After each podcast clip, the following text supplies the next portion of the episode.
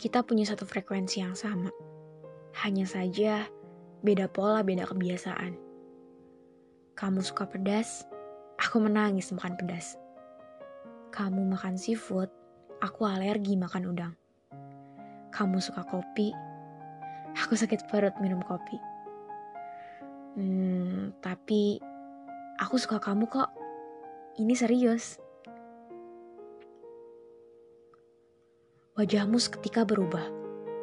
Tanpa ekspresi, itu menakutkan. Aku menarik ucapanku. Aku diam, berbalik ke arahmu, melangkah, mengayunkan tangan, lalu ku genggam tanganmu untuk melanjutkan perjalanan. Tapi kau masih saja diam, berjalan pun enggan.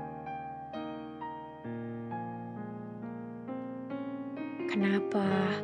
Bukankah kamu suka perjalanan ini? Dan lagi, kau masih saja diam. Tuhan, aku bingung. Apa yang harus aku lakukan? Kukatakan sekali lagi, ini sangat menakutkan. Matamu yang biasa kulihat tak lagi bersinar. Wajahmu yang sejuk kini tak lagi. Ya Tuhan, dosa apa aku? Apa aku salah bicara?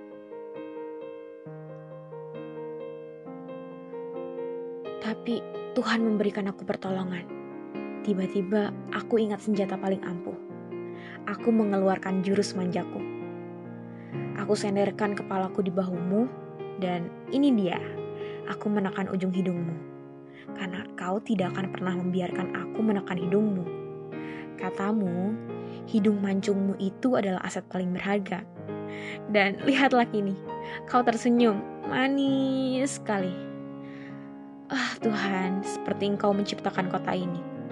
Bumi Pasundan lahir ketika Tuhan sedang tersenyum. Aku bahagia sekali bersamanya. Apalagi senyumnya yang turut menghiasi kota ini.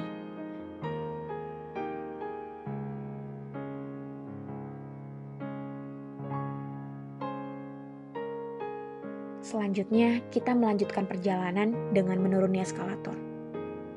Kini, kau yang menggenggam tanganku, dan kali ini kau yang bersender padaku. Aku tidak ingin kau menyukaiku begitu saja. Lebih dari itu, bisakah kau menyayangiku sampai akhirnya kita saling jatuh cinta? Oh, ternyata ini adalah jawabannya. Apakah tiga kata itu adalah hal yang berbeda? Ya, katamu. Semua orang pasti suka ke lawan jenisnya, tapi tidak semua orang bisa saling sayang hingga akhirnya mereka saling mencinta. Bagaimana denganmu? Sudahkah kau mencinta sebelum kau sayang dan suka padaku?